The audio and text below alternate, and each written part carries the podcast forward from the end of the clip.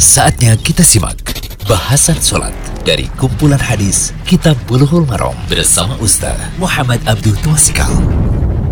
Alhamdulillah, salatu wassalamu ala rasulillah wa ala alihi wa man tabi'ahum bi ihsan ila yaumiddin. Allahumma inna nas'aluka ilman nafi'a wa rizqan thayyiba wa amalan mutaqabbala.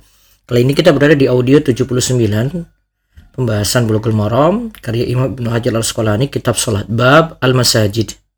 Bab seputar masjid. Yang dibahas ini tentang hukum mencari barang hilang di masjid. Hadisnya hadis ke-256 wa anhu qol qala Rasulullah sallallahu alaihi wasallam Man sami'a rajulan yanshudu dhallatan fil masjid falyaqul la raddaha Allahu alaik fa innal masajida lam tubna lihadha rawahu muslimun dari Abu Hurairah radhiyallahu anhu ia berkata Rasulullah sallallahu alaihi wasallam bersabda Barang siapa yang mendengar ada seorang yang mencari barang hilang di masjid, hendaklah ia mengatakan, Allah tidak mengembalikannya kepadamu karena sesungguhnya masjid itu tidak dibangun untuk hal tersebut. Nah, faedah hadis, Wallah adalah segala sesuatu yang hilang, samar atau gaib. Pakar bahasa itu berkata bahwasanya dollah hanya disebut pada hewan, artinya hewan yang hilang. Sedangkan barang hilang disebut dengan luqatah. Namun Syekh Abdul Al-Fauzan berkata bahwa lebih baik memaknakannya dengan makna umum, yaitu sesuatu yang hilang daripada dikhususkan pada hewan yang hilang saja. Terus yang syudut dolah maksudnya adalah mencari dan bertanya mengenai barang yang hilang. Dan ini dalam konteks hadis yaitu dilakukan di dalam masjid. Nah, kalimat Allah tidak mengembalikannya kepadamu merupakan doa yang bertentangan dengan maksud mencari barang hilang di masjid. Dua jelek ini sebagai bentuk takzir atau peringatan bahwa itu tidak boleh.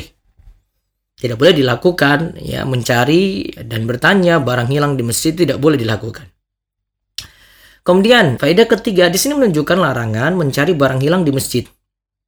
Hukum ini berlaku umum pada hewan, barang, uang, dan lainnya. Yang keempat, siapa saja mendengar orang mencari barang hilang di masjid, maka doakan dia secara jahat. Allah tidak mengembalikannya kepadamu. Ini perintah dari Nabi Shallallahu Alaihi Wasallam. Terus yang kelima, mencari barang hilang di masjid tidak sesuai dengan fungsi masjid. Karena kalau kita lihat masjid itu fungsinya untuk apa? Zikir, sholat, tilawah Al-Quran, majelis ilmu. Terus yang keenam, kalau keluar di pintu masjid, lalu mencari barang yang hilang, ya, lalu mencari barang yang hilang atau bertanya mengenai barang yang hilang, atau dia buat pengumuman di pintu masjid atau di luar pintu masjid, bahwasanya barangnya hilang gini-gini gini di masjid. Hal itu dibolehkan. Semoga kita memahami hadis ini dan Allah senantiasa tambahkan kita ilmu yang manfaat. Allah barik Demikian bahasan sholat dari kumpulan hadis Kitab Bulughul Maram bersama Ustaz Muhammad Abdul Tuasikal.